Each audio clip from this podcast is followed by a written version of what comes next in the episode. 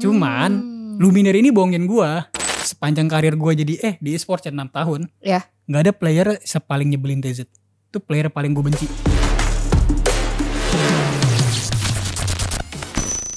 Welcome to Kincir Esport Breakout Dan kali ini adalah episode ke nggak usah disebut Karena produser gue bilang harusnya kita pakai tagline All the Esport has the stories Welcome di Kincir Esport Breakout Reza Pahlevi Halo.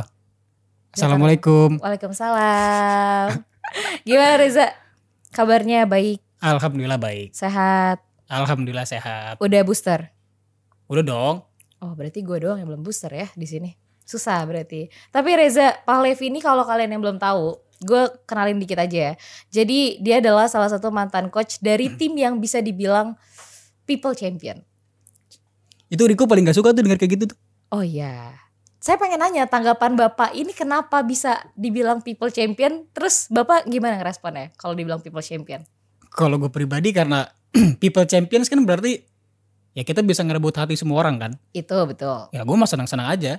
Tapi ya mungkin bagi beberapa player gua Hmm. terutama ya terutama satu orang lah Ya, dia tuh. ngerasa kayak ya terutama Rico lah ya. dia tuh pengennya ya gue ngangkat piala nggak cuma kayak ngerebut hati doang gue pengen ngerebut karena dia orang yang punya visi misi gitu kan Oh. orang yang keras lah Iya, iya kayak betul, cuma betul. menyenangkan hati lo doang ya ngapain gue cuma nyenangin hati lo doang gitu terus kenapa bisa jadi people Champion. champions mungkin karena kita ngelakuin hal yang belum pernah terjadi sebelumnya yang mungkin bisa dibilang hampir mustahil Apa tuh? Kalau boleh tahu. lu d- menggunakan line up yang sama dari 014 Oh sampai iya. lu angkat piala mungkin itu kali mungkin ya Mungkin itu. Itu yang bisa itu dari perspektif lu ya bisa Iya, dibilang perspektif kenapa bisa dibilang people champions. Ah, Dan kalau boleh tahu dari kapan sih omongan people champions itu muncul awal-awalnya gitu? pas kita MPL season 8 yang kita lolos playoff Oh iya ya tahu. itu gue. kan yang kita kalah lawan Evos kita kan hampir ya ha- namanya main nggak ada hampir menang sih iya. ya kalah Oh, kalah aja Kalah kalah aja. cuman kan Menang. kita ngasih permainan yang cukup bagus lah akhirnya kayak ya Aura nggak apa-apa kalah tapi menang di hati kita asik. people menghibur champions. menghibur sih tapi kalah tetap aja kalah Iya sih. tetap pulang Tetap pulang. Dan waktu itu lu udah udah jadi coach kan? udah Dari season 6 gak sih lu jadi coach? enggak gue eh, eh season 7 ya? gue season 8 Season 8 lu nge-coach? season 6 itu coachnya dua si aduh gue lupa namanya yang bule itu loh Eh Hades dia tuh dari analis Dota 2 dulu dari Singapura Mm-mm. terus pertengahan diganti ke Lionheart tau nggak Oh, gue bekas taunya coachnya yang Geek Fam eh, tahu tahu. Tapi gue taunya yang coach yang dari Singapura yang kal eh yang kalian gak sempat ketemu. Jadi kalian Iya. harus secara online jadi harus digantikan. Aha, Sulit bener. buat komunikasi. Nah, nah, itu. itu, gue tahu. diganti Lionheart season 7 CL yang sekarang coach MDL Oh, nah iya. season 8 baru gua Season 8 baru lo. iya Sampai season 9. 8 9 dua season doang Kenapa nggak mau ngelanjutin ke season 10 nih? Waduh, yang bentar lagi kayaknya Agustus ini lah ya berarti. bulan ini Bulan dua ini. minggu lagi lah Dua minggu lagi.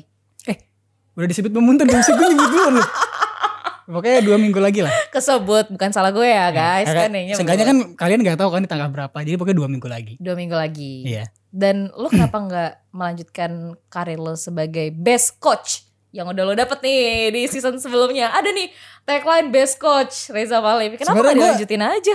ada beberapa bocil nih yang nyerang gua kayak apaan sih lu dapat gelar best coach tapi habis itu cabut takut banget gini-gini banyak yang gue dimaki padahal aslinya harusnya emang nih se- sebenarnya ya Iya sebenarnya, sejujurnya. setelah MPL season 8 Mm-mm. itu bos gue ngontak gue dia minta gue naik jadi head of esports cuman di saat itu gue ngerasa kayak ini gue baru ngangkat tim dari nggak lolos playoff sampai lolos playoff doang kayak gue tuh masih butuh pembuktian jadi waktu itu gue belum Oh. siap terus gua- akhirnya ke pilpres kita kan masuk ke final tuh Iya final. dia nelfon Menang. lagi Oh dia nelfon lagi? ya gimana nih Ah, intinya butuh bantuan lah buat ngurus divisi lain terus gue bilang tunggu hasil pilpres deh kalau hasil pil- pilpres kira-kira ini tim bisa gue tinggal gue coba eh juara jadi ya ya udahlah Ah, akhirnya deal cuman waktu itu gue sempet kan pilpres itu Desember 2021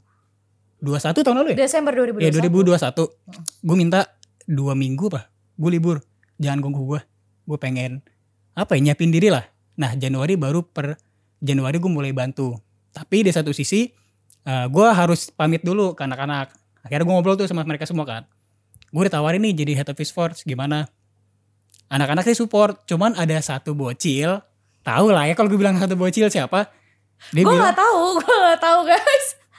Makanya dia Ah, bilang, "Ah, gue bakal dukung lo ke sana, tapi season ini lo, lo masih harus tetap ngurus anak-anak.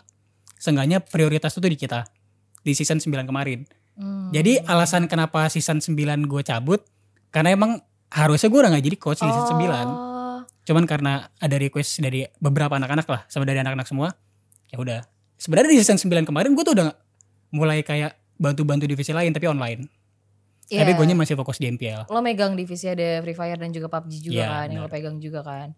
Eh kalau Mobile Legends Ladies lo pegang juga? Iya. Oh, berarti sama divisi lo pegang ya. Mhm. Dan itu eh, maksudnya ngebagi fokus lo ya harusnya. Sangat Dari season 9 dong harusnya. Iya, cuman kan season 9 emang kalau misalnya ada masalah itu kayak gue tuh nggak harus jam langsung ke sana. Jadi paling gue ngasih saran masukan aja karena emang gue udah bilang ke bos gue season ini yang season 9 gue nggak bisa langsung jadi head of esports. Gue paling bisa jadi Oh. ya kayak penasihat aja lah ngasih saran. Tapi gue tetap di fokus di MPL sampai season ini selesai. Dan kebetulan Kebetulan di MPL season 9 ada apa sih penghargaan ya? Iya. Best coach dan gue nggak tahu kenapa gue yang menang, gue bingung kan. Gue menang oh ya udah. Emang ya udah rezeki lah season terakhir dapat dapat best coach kan. Ya udah, cuman ada beberapa orang yang ya badut habis menang kabur. Sebenarnya kesel juga gue cuman ya udah. Iya sih, benar. Ya udah. ya pasti tapi udah terbiasa dikatain badut gak sih? Jadi kayak kalau Sudah- kata-kata sudah- badut sudah kayak- sangat akrab. Iya. Iya, udah jadi kayak aduh biasa aja kayaknya. Gue manggil Seneng badut Oh iya. Ya ampun lucu banget sih, tuh cute. Eh jadi momen romansa di sini saya jadi nggak berasa romansanya. tapi nih Reza gue pengen tahu dong, gak usah ketawa produser. Eh tapi nih Reza gue pengen tahu dong, kan lu perjalanan karir lu gimana sih? Gue sempat ngulik sih dikit biodata lu sedikit Mhm. aja tapi sampai lu bisa jadi coach, abis itu base coachnya Aura, terus abis itu bisa jadi head of esportsnya Aura juga itu awal mulanya lo masuk ke dunia esports tuh kayak gimana sih? Kalau singkatnya aja lah. Singkatnya gue tahun 2016 gue masih di Dota. Dota 2, Ya, 2017 gue tuh punya dulu tuh punya tim sendiri namanya Ignorance. Itu tim ignorance ya. tim gue, gue nggak gaji mereka, cuman gue kayak kalau mereka turnamen gue yang danain, pakai duit jajan gue. Wow, berarti Jadi- lo sultan banget dong masa itu. Buat beberapa orang makin mikir gue sultan, tapi di satu sisi gue nggak jajan loh. Gue rela nggak jajan cuma buat ngedanain mereka turnamen karena passion gue aja. Tapi lo ikut berkecimpung di turnamen itu juga kan? Lo player juga kan? Dulu player, cuman gue tuh gue tuh demam panggung. Gue kalau misalkan main tangan gue tuh bisa. Eh dulu kan keyboard mouse kan, gue tuh Ah. getar. Ada satu Oh, turnamen tremor yang ya, bikin gue tremor. pensi, iya. Ada satu turnamen yang bikin gue pensi. Itu gue mau Clover satu tim. Oh iya, Gue kaptennya dulu. si Clover itu. sama Clover. Kalau Luminer beda lagi. sama juga cuman Luminar news kayak pas GML Clover sama gue tuh udah dari udah dari Dota Dota 2. Hmm. Dan lo berarti kenal si Clover dari zaman warnet atau zaman Clover temen SMP gue Oh, teman SMP lu, si bocah itu. iya jadi emang ya emang udah main cuman kita ya please bikin tim yuk iseng-iseng Hmm. cuman sampai di kondisi waktu itu tahun 2017 ada turnamen apa ya namanya IGC kalau nggak salah IGC 2017. IGC apa Mobile Legends nah kita tuh lolos ke playoff lolos ke IGC Oh. nah setelah itu kayak oke ternyata ML tuh lebih gampang dari Dota ya bis kayak gini-gini jadi kita eh tolong dikutip maksudnya maksudnya lebih lebih lebih mudah, maksudnya lebih gampang karena persaingannya waktu itu tuh nggak se-strict Dota. Oh ya 2017 lah ya masih awal-awal Hmm. ML. Belum Jadi- ada player-player bagusnya belum muncul. Ah, jadi waktu itu ya udah kita akhirnya dari Dota 2 habis gue pindahin ke ML-nya. Terus gue suruh bikin tim. Nah, nggak lama Luminar masuk Dan lu masih eh, manajernya. manajernya. Ya, Oh, tapi lu udah nggak main Dota 2 lagi udah enggak. semenjak Tremor itu. Iya. Orang gue pernah turnamen, Ah. jalan jalan ke venue-nya, ke warnetnya 3 jam. Match pertama kalah karena gue tremor. Apis kesel banget sama gue. Oh iya. Iya, sega pensi.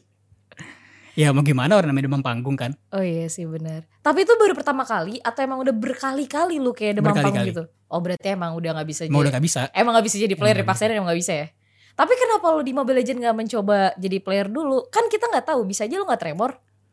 Mobile Legends tuh susah banget menurut gue karena gue biasa main pakai tangan kanan di mouse tangan kiri di keyboard pindah ke jempol nggak bisa gue Oh. orang tuh bisa kayak nge-scroll map tuh pakai telunjuk gue coba nggak Hmm. bisa jadi buat apa gue main lagi emang udah ada hambatannya lah.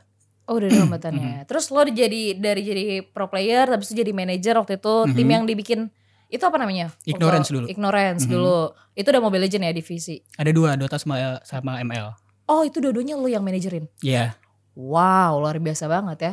Terus kalau misalkan setelah dua tim itu baru lo pindah jadi manajer Aura. Waktu itu ada enggak waktu itu ada MPL Sen berapa ya? Sen 2. Ingat gak MPL Sen 1 yang menang NXL? Iya. Ah gue harus nyebut ini gak sih? Gak apa-apa sebut aja. Hmm, Pokoknya dulu nih ada cerita lah. Dulu banget ini. Ah. Oh, dulu ya udah gak usah dibahas lah. Eh tapi gak apa-apa lah.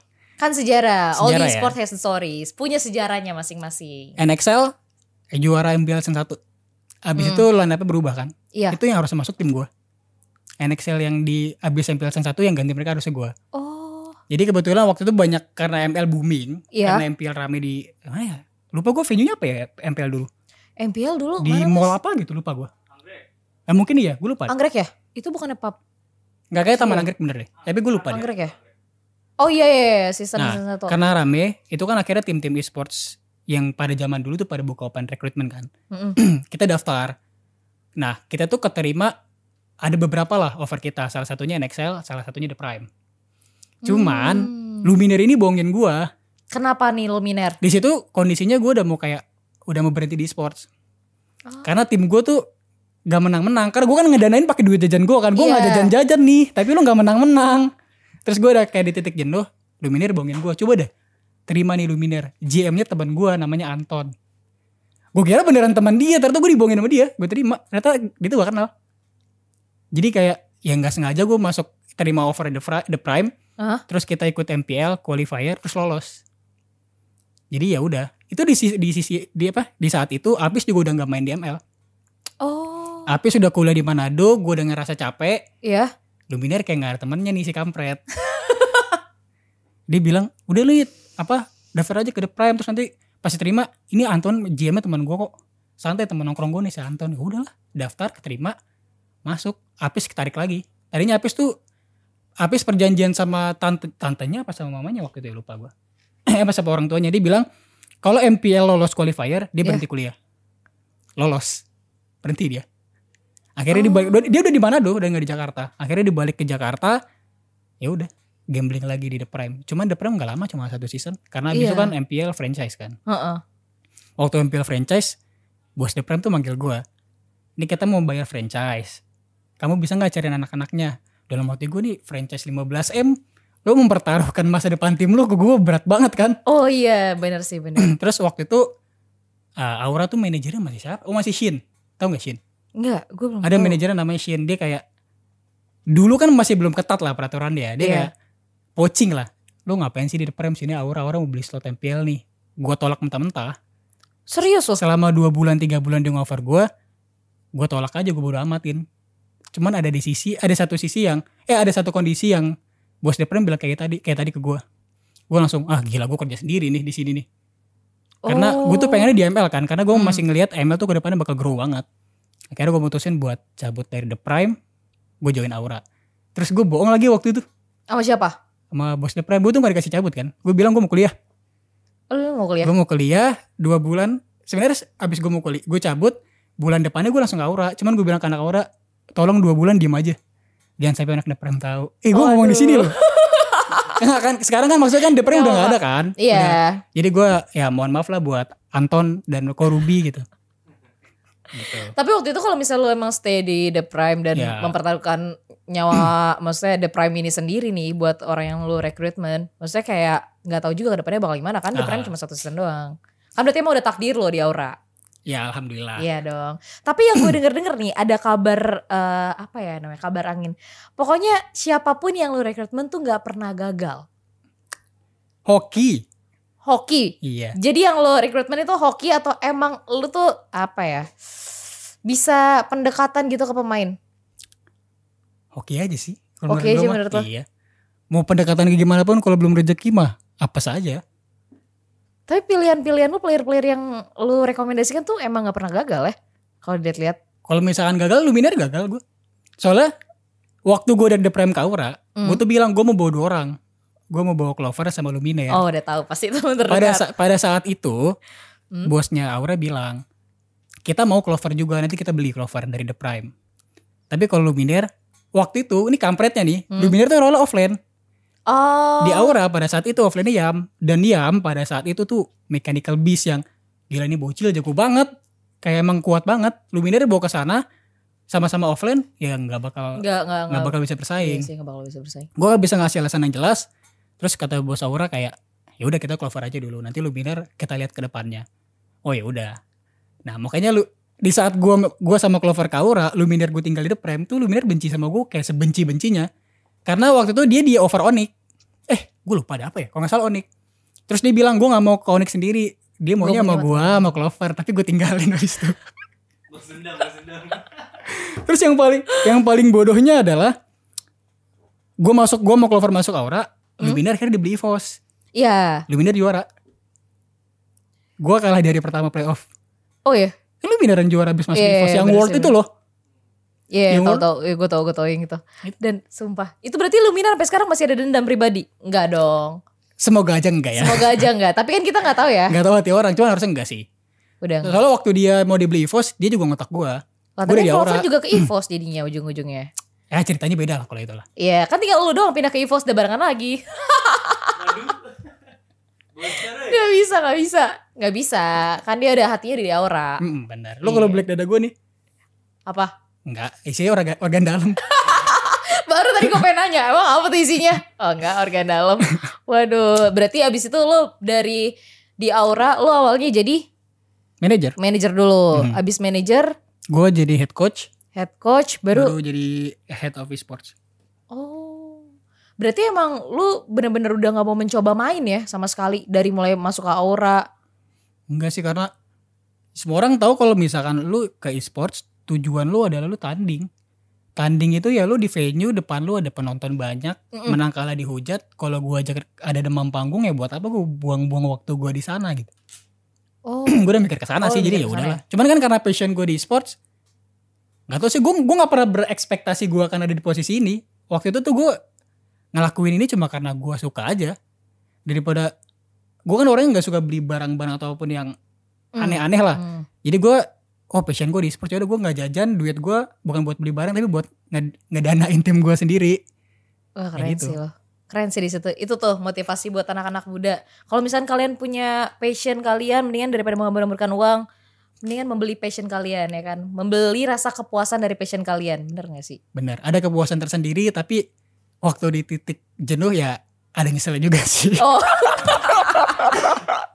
tetap aja tetap. Tapi nih sekarang gue pengen ngebahas lu kan sekarang udah head of e-sport. Mhm, Sementara Aura sendiri berarti eh, coachnya udah tergantikan lah ya. Iya. Dan lu tuh kalau misalnya dibilang bisa dibilang best co- best best coach ya, best coach ya, itu dibilang gara-gara lu bisa memaksimalkan potensi dari pemain-pemain. Mhm. Bisa dibilang banyak orang yang berkata gitu dan gue juga baca dari beberapa artikel lah seperti itu. Dan sekarang kan Aura lagi posisinya udah mau masuk season 10. Yang dimana mereka ada dong penyesalan di season 9 kemarin yang hampir banget masuk grand final. Iya. Kalau misalkan coachnya keganti, lu nggak ada rasa deg-degan atau takut nih anak-anak bocah-bocah gue lepas nih di season 10 bakal kayak gimana? Amburadul kah? Atau bakal tetap performanya naik dengan mereka punya visi dan misi yang sama gitu? Gak ada di pikiran lo kayak takut gitu? Kalau takut pasti ada lah. Takut takut banget kayak pernah nggak sih lo di trust issue yang ini orang bisa nggak sih ngelakuin apa yang gue lakuin? Ini orang bisa nggak sih kayak mikirin apa yang gue pikirin? Oh iya. Karena di saat orang tanding nih di stage itu Hmm. setiap detiknya tuh penting banget. Apapun yang lo omongin itu benar-benar bisa ngubah kondisi player, bisa ngubah mood player, bisa ngubah kepercayaan diri player, bisa kayak kadang tuh tanding player kalau bisa kalah kalah konyol dia tuh kayak mikirnya tuh kayak tunnel vision gitu loh. Kayak mikirnya nggak luas, mikirnya ke satu titik aja. Nah itu kayak harus di reset lagi gimana caranya biar mikirnya bisa luas. Nah itu sebenarnya kalau misalnya overthinking ada, Hmm. cuman ya mau sampai kapan? Jadi ya mau nggak mau emang harus dilakuin. Terus kayak gue nggak boleh nunjukin ketakutan gue di depan anak-anak. Oh iya. Jadi kayak di depan anak-anak kayak ya banyak lah orang yang player yang ngacet gue kayak bisa nggak sih sen ini nggak ada lu kayak gini-gini ya kenapa nggak bisa lu sen kemarin aja gini-gini kayak ya udah yakinin aja. Tapi kalau misalnya lo tanya gue yakin apa enggak, bisa lah TZ juga ke season kemarin ada kok. Ibarat kan kemarin kita sampai tiga besar pun ada TZ kan. Iya. Jadi betul. ya harusnya TZ tahu apa yang gue lakuin, TZ ngeliat apa yang gue lakuin ya. TZ juga bukan badut-badut banget lah. TZ, ya TZ orang berkelas kok. Gue bawa balik TZ tuh effortnya gede banget. Gue tau pas kemarin gue Gue bener-bener Man- ini orang tuh nge- sepanjang karir gue jadi eh di esports 6 tahun Iya. nggak ada player sepaling nyebelin DZ itu player paling gue benci tadinya tadinya ya lu pikir aja nih orang gue beli dari Geekfam dia datang ke GH gue kata pertama yang dibilang adalah gue nggak mau main ML iya gue jenuh dalam hati gue lu bilang dari kemarin lah kayak Gua- gue gue ngeluarin duit lo buat beli lo kampret di- dalam hati gue kan Iya. ya ya udahlah terus ah, abis itu kan dia pulang ke Manado kan iya gue chat dia nggak dirit Z mau balik nggak nggak dirit sebulan kemudian gue tanya Z udah tamat belum GTA nya dia kan main GTA kan dirit doang ya udah akhirnya ya udah gue bohongin aja Z mau nggak balik ke GH lo main GTA aja di sini tapi gue gaji datang anaknya pas udah sampai GH baru gue kalin tuh gue effort buat buat bawa balik TZ tuh susah banget berarti lo emang percaya banget sama TZ ya waktu itu buat jadi buat di aura lah ya kan gitu- dia nggak tahu nih nggak jelas nih awalnya mau jadi player nggak mau ya kan awalnya nggak jelas pokoknya dia mau jadi coach gitu kan kalau misalnya ditanya percaya percaya banget tapi kalau misalkan ada opsi lain nggak nggak ada Oh iya. Lexat adalah satu-satunya player yang tersisa yang gue punya jadi wak- waktu MPL Season 7 kan 014 kan Mm-mm. itu trust isunya udah gede banget player itu udah nggak percaya jangankan percaya sama timnya sama diri diri sendiri aja udah nggak percaya iya benar benar benar lah gue tuh butuh orang yang tahu lapangannya kayak gimana terus ya pernah jadi player tapi otaknya tuh nggak ya nggak belangsak lah iya Nah yang gue cari-cari yang gue punya cuma TZ. Itu pun tersisa TZ-nya kondisinya udah bukan player aktif. Di Manado tapi masih terikat kontrak. oh Bahasa seremnya masih di freeze lah. iya mesti di freeze lo kontraknya Nah ya udah gue panggil lagi. Cuma dipanggilnya susah nggak mau mau. Akhirnya gue bohongin datang. Baru gue ajak ngomong. Z alasan gue manggil lo kesini itu buat MPL sen 8. Sen 7 lo kesini cuma ya lihat aja lo kanan kiri lo gimana. Enak gak lo dimaki-maki lagi? Dia kan masuk MDL kan? Eh. Gak latihan mainnya sama cewek waktu itu. iya Gue lupa namanya siapa ya? dia dia juga bilang tuh dia malas Jadi malasan intinya dia main di MDL, gue cuma buat ya biar dia panas lagi aja. Tadinya gue kira MPL Sen 8 dia tuh mau baru mem, apa? Baru semangat kan. Ternyata pas masuk udah kebakar lagi dia. Dia orangnya nggak terimaan lo kalau ngatain TZ, TZ tuh nggak terimaan tuh. oh iya Gue buktiin lo kayak gitu orangnya. wah berarti gampang dipancing dong gampang dibet dong orangnya kalau di roasting dikit langsung up dong orangnya Iya. Iya benar kelihatan. Oh TZ itu berarti rahasia kamu. Hmm. berarti kalau eh, TZ sekarang adalah coach yang lo percaya Hmm. dan selama lo jadi coach di Aura siapa bocah yang paling susah banget diatur? Selama gue jadi coach Selama jadi coach nggak ada. gak ada. Berarti semua mau mendengarkan lo. Iya, tapi wak- selama gue jadi manajer, waktu gue jadi manajer, kan Hmm. gue ngeliat coach gue berusaha untuk ngatur anak-anak, tapi Iya. kayak gue ngeliat kasihan banget ini coach anjir. Dalam hati gue kan.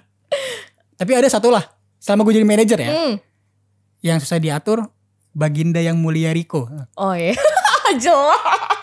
itu gue berapa kali ganti coach semuanya nggak ada yang dia dengar Wah. berapa ya yang dari luar udah pernah dari dalam udah pernah dari orang yang dari awal di aura juga udah pernah nggak ada yang bisa Berarti yang paling keras dia ya. Yang paling Nah. susah banget diatur. waktu gue waktu gue masih jadi manajer ya Waktu j- waktu masih jadi manajer. Mhm. Oh, berarti waktu lu nge-coach, dia mau ngedengerin lo kan? alhamdulillah mau nggak tau kepentok kali palanya Oh iya. Serem banget ya. Tapi dengan tadi kan balik lagi nih, gue ke pertanyaan, lo kan ada OVT nih, overthinking tentang MPL season 10 kali ini. Hmm. Lo gak nge pertama lo gak nge-coach. Kedua, lo lihat dong transfer pemain di tim-tim lain. Wah, Ah. gede-gede banget. Apalagi ngambil transfer pemain dari PH Filipina. bukan pemain aja sih coach juga coach ada. juga, analis juga ya. pada Hmm. ngambil. Itu lo nggak ada bener-bener kayak, aduh Aura gimana ya nanti season 10.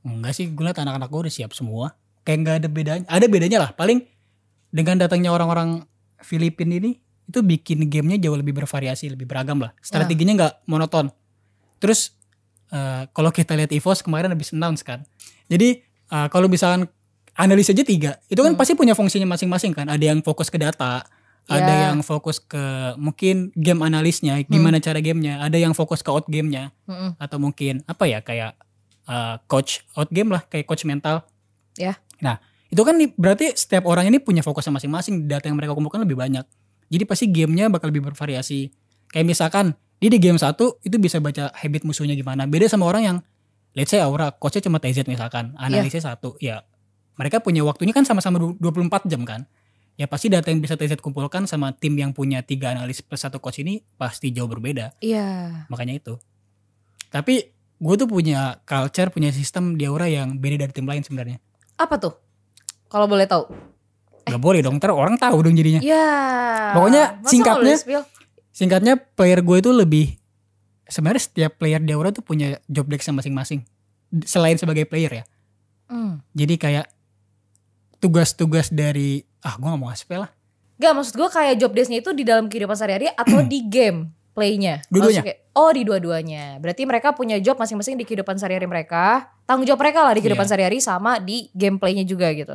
Kenapa Aura nggak transfer pemain dari Filipina juga ikut-ikutan yang lain lah?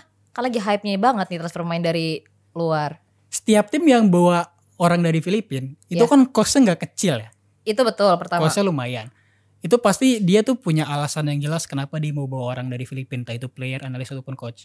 Mm-mm. kalau misalnya ada tim yang nggak tahu ya kalau misalkan ada tim yang cuma ngikutin tren aja oh Hmm. ini orang-orang dari Filipina nih FOMO lah FOMO. takut ya. kenapa kenapa terus asal beli dari Filipina tanpa tujuan jelas itu serem banget gak sih kos lu tuh gede tapi lu nggak tahu kenapa lu bawa dia tuh ke sini kenapa Oh, mem- kalau dari gue sendiri soalnya ngelihat mungkin di satu sisi karena orang belum pernah masuk ke MSC M series jadi kayak Oh. gitu tuh belum ada sampel yang tur- turnamen resmi lawannya tim PH mungkin kalau tim ya tim lain udah pernah lolos ke sana Hmm. terus kayak oh kalau tim PH kita kekurangan di sini sini sini makanya mereka ngambil desisi untuk ngambil tim PH itu sendiri kan Oh. nah kalau Aura kan belum ada terus kita selama ini juga ya so far perkembangannya juga cukup bagus jadi kita masih percaya sih mungkin kalau ditanya mungkin nggak suatu saat kita ambil orang dari Filipina ya nggak menutup kemungkinan tapi untuk saat ini kayaknya masih sangat tidak perlu Karena lo masih yakin sama roster MPL buat season 10 nanti. Mhm. Dan semoga ya Aura bisa masuk ke M series gak sih? amin, Amin, lah ya. Tapi kalau misalkan tanggapan lo sendiri, ketika nanti misalkan ada satu waktu Aura ternyata transfer pemain dari luar. Gua nggak bilang lah dari Filipina atau dari negara manapun ya misalkan. Itu kan lo sebagai pandangan lo sebagai head of e-sportnya kayak susah gak sih buat menyatukan chemistry seorang tim tapi komunikasinya berbeda? Bahasa lah bisa dibilang. kalau dibilang susah enggak tapi lebih gampang Indo semua sih soalnya kalau kita berkaca ke game lain Culture-nya yang berbeda juga ya. Mhm. Jadi kayak bisa-bisa aja. Karena misalkan ya, contoh kita bahas Mobile Legends ya. Ya, contoh Mobile Legends aja. Eh, misalkan tim ah gue malas nyebut lah. Misalkan tim A lah. Terus pemain dari asingnya itu taruhnya di XP lane atau mungkin di gold lane. Iya. Itu menurut gua nggak begitu berpengaruh sih. Paling berpengaruhnya di out game aja, eh, di keseharian lah. Tapi di in game tuh berpengaruhnya kecil banget. Karena Kenapa? setiap pemain tuh kan pasti punya basicnya lah ya. dia tahu job desk-nya apa setiap role dia tahu setiap apa sorry gua cekukan Hmm. di setiap uh, menitnya dia tahu harus ngapain kayak dia tahu job desk-nya simpelnya lah jadi kayak lu tuh nggak harus ngejelasin step by step jadi tanpa lu ngomong pun dia tahu mau ngapain tau ini maksud gue ya adalah uh, Basic jadi pro playernya. bukan bahasa awam itu chemistry Oh, chemistry itu bukan ini menurut gue pribadi ya chemistry itu nggak serta merta lu sehari setiap hari-hari deket lu setiap hari-hari akrab ngobrol bareng mandi bareng dan lain-lain Hmm. dan lain-lain lah nggak kayak gitu itu karena lu tuh benar-benar saling ngerti pemikiran satu sama lain pernah ada kondisi main nih tanpa ngomong mereka bisa ngelakuin sisi bareng let's say Rico sama Usep Hmm. Eh, Rico tuh mau ngekill A Mm-mm. dia tanpa ngomong maju aja nanti nggak lama Usep tinggal nge-skill sendiri tanpa ngomong Oh. itu yang bahasa orang chemistry itu karena ya mereka udah ngelakuin latihan berhari-hari kayak pemikiran udah saling ngertiin satu sama lain. "Oh, kalau momen kayak gini Riko pasti kayak gini tanpa ditanya tanpa di ngomongin ya itu maksud chemistry jadi kayak nggak bakal nggak akan begitu berpengaruh sih tapi kalau misalnya berpengaruh atau enggak ada pengaruhnya tapi nggak berpengaruh banget Oh, Oke. Dan gue pengen nanya nih, ada nggak sih treatment yang lo lakuin berbeda buat Aura Fire buat MPL season 10 nanti? Soalnya kan gue kalau ngelihat ya lagi panas-panasnya lah mi- musim ini lagi pada berebutan slot buat ke M series juga, terus lagi gila-gilaan juga transfer pemain. Lo ada nggak treatment yang berbeda? Walaupun lo udah nggak coach lagi nih, tapi kan lo maksudnya tetap memperhatikan bocil-bocil lo inilah. Ada nggak sih yang berbeda yang lo lakuin? kalau treatment beda nggak ada masih sama cuman strateginya beda Strategi dong yang lo bi- taruh berbeda. Aha, kayak lu lihat kan ja- pertama kali kita pakai jungle cuma satu Iya. ya ya udah lihat aja nanti Aduh kelas. Apalagi ada Drew sama Cait lagi kan. ya ada alasan kenapa kita bawa dua gold lane kan Oh itu bukan pengisi ini doang, pengisi role ya kalau Oh, support gitu kalau systemnya pengisi gitu role ya, bawa Sa? aja cuma satu Ah, Oke oke. Tapi ada beberapa orang yang mengatakan kalau misalkan dua role ini kayaknya cuman buat camat doang ah, kalau dipakainya nanti atau cuman buat pertandingan-pertandingan yang gak segenting itu gitu. Bener gak sih kayak gitu? sebenarnya kalau dari segi kualitas mereka bagus-bagus aja. Cuman akan jadi camat atau enggak balik lagi ke pribadi masing-masing lah. Karena yang kita Hmm. semua tahu MPL pressure-nya kayak gimana, netizen Oh, yang iya. budimannya kayak gimana, ya kan? Iya benar benar. Kayak ibarat gua aja dimaki-maki, gua maksud gua gimana player yang main kan? Iya benar benar benar. Jadi s- pasti setiap tim itu nggak mungkin punya strategi yang kita bawa dua bawa tujuh pemain, duanya camat. Mana ada sih tim bawa mau bawa camat? Iya sih. itu kan pasti nanti akan ada hal yang nggak terduga lah gimana di lapangan cuman pasti punya planning awalnya masing-masing lah Jadi strategi doang yang berbeda. Mhm. Dan lo ada gak sih kayak treatment yang lo lakukan kayak into ke pemain-pemainnya masing-masing untuk ngobrol lebih le- jauh atau buat ningkatin chemistry mereka gitu loh ada untuk cuman di season ini. ada cuman kan nggak bisa gue spill Tapi ada, Ada. lo lakuin kayak gitu. Walaupun lo cuman udah udah cuman jadi head of e-sport gitu. iya bedanya kan waktu gue jadi coach dan gue sekarang itu di waktu waktunya Oh, jadi sangat cuma waktu. amat sedikit Mm-mm.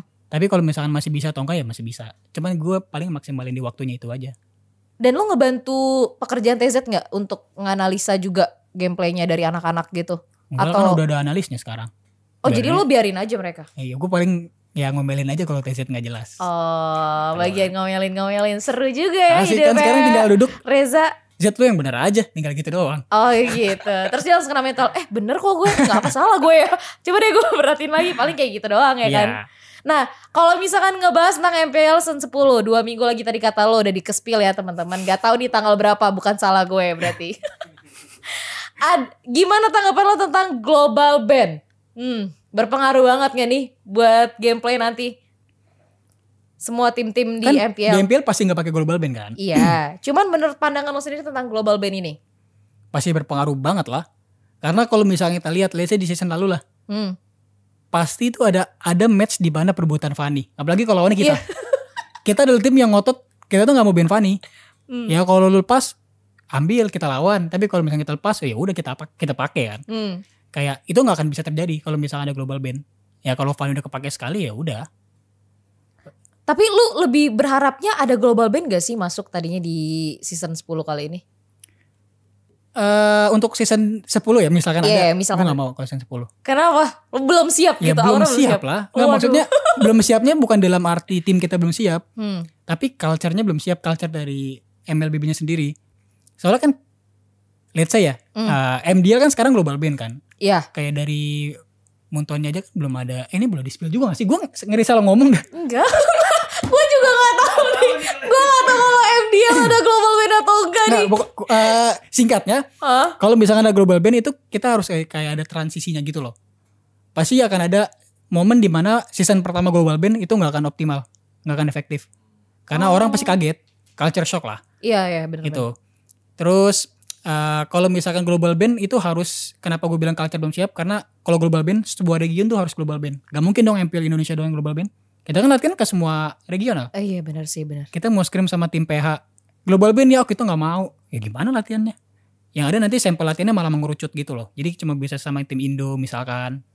Kayak gitu makanya kalau misalnya global band season 10 nggak setuju gue. Enggak setuju. Belum. Belum setuju. Kalau season 11 mungkin ya. Tapi dengan catatan announcement dari Munton tuh nggak boleh dadakan. Dadakan. nggak boleh karena persiapannya ya dua bulan lah at least dengan sistem yang udah memadai ya Iya.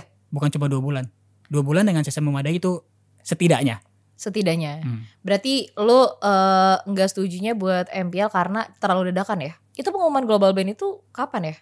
saya kalau pemu- belum ada sih kemarin kan ada workshop kan Iya. itu gue sempat nanya global band kapan untuk MPL tim em untuk MPL itu masih belum Oh. jadi kayak mereka juga tahu berat kali iya, ya, karena buat berat. para jadi player. MDL tuh dijadiin eh, apa ya trial and error mungkin Gak tahu sih gue Oh iya yang, yang benar. gue lihat sih seperti mencoba, itu ya mencoba. Soalnya kan kalau misalnya gue lihat dari MDL kita sekarang, mereka global band MDL. Hmm.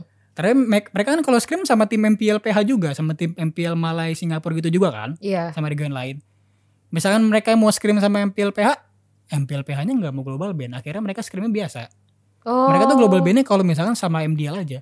Oh, sesama MDL aja baru Hmm. pada pakai global band gitu ya. Maksudnya kan yang jadi bikin latihan jadi nggak optimal kan. Iya. Sampelnya bisa nggak valid. Misalkan let's say kita eh tim MDL kita tuh menang lawan Onik PH 4-0 misalkan. Iya. Ya tapi ini bukan global band. Iya. Jadi kayak ya ini nggak bisa jadi acuan lah. Itu yang makanya susahnya.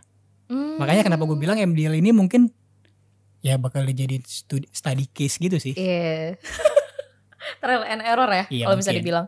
Tapi kalau misalkan dari global band itu sendiri lo menanggapinya kayak setiap player bakal punya maksudnya kayak hero poolnya bakal banyak banget gak sih? Jadi lebih banyak lebih bervariasi lah daripada tanpa ada global band.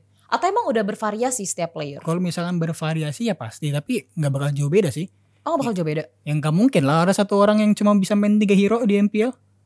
Pasti kayak yang bikin susah, yang bikin beda jauh global band sama enggak itu di teori craftingnya. Maksudnya kayak di susunan hero-nya. Hmm. Kadang gini di last season misalkan Aura lah, Hmm. kita ngapik Kufra. Iya. Itu Kufra bisa diuper kemana aja. Fluffy bisa Kufra, Iya, JJ Jungle bisa Iya, Kufra, Deko benar. bisa. iya benar. Nah kalau misalkan di global band, ya udah sekali doang. Jadi Hmm. bi- bingungnya tuh nanti di teori di teori craftingnya kayak kita tuh nggak bisa sembarangan ngepick hero nih, Oh, oke oke. gitunya oke. aja. Tapi Oh. kalau misalkan ke anak-anaknya ya hero-nya pasti udah bisa banyak semua sih. Nggak bakal berpengaruh banyak kok. Gak bakal berpengaruh. Banyak netizen bilang kalau global band Aura akan diuntungkan. Nggak juga. Pusing juga kita loh. Iya benar kelihatan sih. Tapi dengan kan sekarang metanya udah bukan eh, jungler tank ya. Aha. Gimana pendapat lo? Apakah Aura bisa punya potensi, maksud gue potensi buat menang di season kali ini cukup besar lagi? Atau kurang menguntungkan dari segi Aura sendiri? Tadi kan. Kalian lihat kan jangka kita cuma satu. Ya udah lihat aja nanti. Waduh. Gue no comment berarti. Berarti udah pede banget kalau Reza udah ngomong kayak gini. Ingat ya di highlight ya guys. Ini udah pede banget. dia berarti. Semoga, semoga. Semoga, semoga. Berarti ada kejutan-kejutan luar biasa ya barunya ya. Hmm, amin. Dan lo percaya dengan ada masuknya Drew sama Cait ini akan membuat eh, performanya Aura juga naik? Iya. Apalagi yang paling berpengaruh Drew atau Cait atau dua-duanya? Dua-duanya. Ada Dia bisa alasan pilih salah satu. nggak bisa. Ada alasan kenapa Drew sama Cahit naik, tapi kan nggak bisa di-spill. Iya. Gak Pokoknya bisa pilih salah satu. nggak bisa. Jadi mereka punya ya tugasnya masing-masing dari sekedar main. Yang tadi gue bilang, lu masuk line up Aura MPL, Hmm, tugas lu tuh bukan cuma main. Tugas lu tuh banyak. banyak banget. Lu mau compare sama, play- sama tim lain silahkan. Tapi ya anak-anaknya nggak bakal cerita juga sih. Iya sih, benar. Sulit. Itu itu adalah suatu rahasia negara yang sulit ya buat diceritakan. Berarti tapi lo udah kepikiran gak sih mau pensi dari Aura? Jadi head of e-sportnya udah ah, kayaknya gue ke depannya udah nggak mau di e-sport lagi atau gua mau pindah tim lain gitu. Gue kayak udah kenyang banget nih di Aura. Gue sih paling kenyang. Udah lama banget kayaknya di Kalau Aura. misalkan pikiran buat berhenti dari esports belum ada sih, karena kan ini passion gue kan. Cuman Oh, kita iya. kita nggak tahu ke depannya gimana kayak lima tahun 10 tahun ke depan esports kayak gimana kan masih belum bisa dibayangin kan. Mm-mm. Cuman singkatnya selama Aura masih punya satu visi misi yang sama sama gua, satu tujuan yang sama kayak gue ya gue nggak pernah terlintas kepala gue buat pindah ke tim lain sih. Waduh. Karena gue selalu menggantungkan diri gue tuh bukan ke perusahaan tapi ke visi misinya. Kalau visi misinya sama ya gue kerja enak lah. Ya, tapi kalau betul. misalkan bosnya mau A, gue mau B, ya kerja makan hati gue setiap hari. Oh Gitu iya. sih. Tapi ada penawaran dari tim-tim lain dong buat lo ketika lo menyandang best coach. Sebelum best coach aja juga ada Oh udah banyak. dari M Pilsen. 5 ada, 6 ada. Ini gak sombong ya guys, ini bukan sombong cuman nanya doang Iya. gue. Berarti ya bener. Gue gak, gue gak kepikiran ke arah sana loh. Gue Sorry, kepikirannya sorry, sorry. kayak, ini kayaknya sombong deh dia banyak Enggak. penawaran dari tim-tim lain. Jadi gue M Pilsen 5 ada, Sen 6 ada, Sen 7 gak ada. Karena 014. Oh, Mungkin. Iya, 014 lagi. Lagi Ya, kemarin yang apa over, bagus. yang over gue juga nyesel kali. Oh ngapain gue over dia? Mungkin kayak gitu. Tapi setelah season 7, season 8 ada, ada lagi. Ada. Tapi lo tetap hati lo tetap di aura. Nyaris pindah pun ada. Siapa yang ngebantuin lo pengen nyaris pindah? Pemikiran lo sampai berubah? Gue sendiri sih. Lo sendiri, Itu kali Dino. ada berperan. Enggak. Oh jadi emang pemikiran lo Oh, sendiri, udah lah gue Dia orangnya di aura aja. positive thinking banget. Wow, positif kelihatan sih auranya. Pokoknya di 014 gue nyaris pindah. Sen 7. itu s- eh, itu menurut gue kayak hmm, maksudnya kayak titik terendah dari semua pemain ataupun semua orang di Aura gak sih di Aura Fire ketika 014 Terutama gue sih. Jadi singkat cerita, season 6 itu gue lagi cuti. Gue tuh nggak full. Gue tuh kuliah kan season 6 kan. Lagi Hmm. skripsi. Hmm. Di sana gue skripsi, gue bilang gue izin gue cuti satu bulan. Gue bilang ke bos gue kalau lo nggak ngizinin, gue cabut. Akhirnya bos gue kayak ngizinin, gak apa-apa cuti sebulan. Tapi kalau misalnya ada apa-apa bantu, ya nggak masalah. di saat gue cuti selesai cuti tiba-tiba bos gue bilang eh, ini untuk kedepannya ML saya serahin ke you deh you pikir mau ngapain nah makanya gue kayak jadi gue gini nah abis itu gue bikin keputusan dong Hmm. dari season 6 ke season Hmm. 7 abis gue bikin keputusan gue hire coachnya CL dan lain-lain lah 014 Wah, abis lah beban gue kayak bos gue ngasih kepercayaan nih bebas lu mau ngapain nih tim nih mungkin dia udah pusing juga kan Iya. gue ngide gue pakai gini gini gini lakuin 014 lebih parah lagi nah di satu sisi Clover Iya. itu kan season 5 keluar Hmm. season 6 season 6 itu pas gue cuti Clover keluar ah gue bahas juga gak ya Gak apa-apa bahas aja. Pokoknya kalau orang nanya Clover kenapa keluar, Clover keluar di saat gue cuti. Gue cuti, pertengahan cuti dapat kabar Clover kita cut. Gue berantem bos gue. Bos gue kan waktu itu bikin video farewell lah. Hmm. Zal lu mau tambahin kata-kata gak nih buat video nih? Jangan tanya gue. Gue bilang gitu doang. Ngambek gue ceritanya ngambek. Cuman Oke. bos gue juga cuek. Padahal lu udah mode ngambek gitu Iya. ya. Harusnya dia juga begitu sih nggak Ya. ngerti. Ya kan di satu di satu sisi kan gue lagi cuti kan selama satu bulan gak lama loh. Iya sih, cuti gue bener. panjang terus kayak gue juga nggak tahu kondisi lapangannya gimana kan Mm. jadi ya gue ngehargai keputusan aja cuman gue kesel aja kayak ya ini kan dulu kan ini player kesayangan gue loh ini si Clover ini kayak Iya. bener. gue tuh bisa ada di sport sampai detik ini karena dia juga Terus tiba-tiba dicabut pindah ke EVOS MPL Season 7 gue 14 dia juara bareng Luminer lo kalau jadi gue kayak ini apa dah Oh iya bener. nah di situ tuh gue Udah jatuh ketiban tangga, Iya. kesiram air, udah Dit- semua ada. ditambah di sen- di, di saat itu gue tuh uh, ada tragedi lah di aura jadi gue kayak harus tanggung jawab masalah keuangan gue udah miss Hmm. itu makin kayak wah udah berat banget nih gue kayak di aura lanjut gimana ya akhirnya gue bilang gue udahan lah sini kayak gue terakhir anak-anak gak, ngasih gue gak ngasih gue cabut kan Hmm. udah lah udah lu lanjut aja gini gini gini cuman keputusan gue tuh udah 99% Iyalah itu udah begitu. chance gue untuk stay di awal tuh 1% Tapi 1% itu berhasil Gue beneran kayak season 8 tuh harusnya gue udah gak, udah ganti bendera Harusnya Harusnya, tapi nggak jadi. Cuman ada momen yang Bosnya nelpon, bos Aura nelpon gue lagi Bos Kayak- ini lagi yang cuek.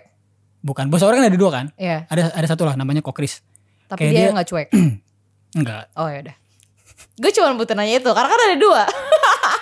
Ini ngomong, iya. ini ngomong depan kamera iya nggak apa-apa, emang udah tahu. Semua kamera udah tahu. Iya, Pokoknya dia kayak ngasih tau lah kayak visi misi dia ke depan gimana Terus dia butuh gue kayak gimana Kayak intinya kita masih sama visinya lah Sama misinya Jadi ya Hmm. ngobrol-ngobrol lagi nggak tahu kenapa dia, dia kayak nyuci pikiran gue gitu loh jadi kayak ya udahlah gue stay terus alhamdulillahnya pas gue stay kayak turn down gitu cuman di saat itu gue tuh ada trust issue bener-bener kayak bukan ke diri gue doang ya kayak ke, gue ke manajemen ke manaj ke staffnya aja gue kayak nggak percaya alasan juga kenapa gue jadi coach itu nggak ada coach yang sesuai sama kriteria gue Oh. jadi daripada kalau bisa nggak gue nge-hire coach lain bisa-bisa aja cuman daripada gue nge-hire berantem lagi sama Rico dan lain-lain kayak Iya. buang waktu ya udah gue sendiri aja lah itu sebenarnya waktu gue jadi coach juga bos bos gue ketawa ini bercanda dalam hati gue badut gak percaya loh dia loh jadi akhirnya ya udah Tapi waktu lu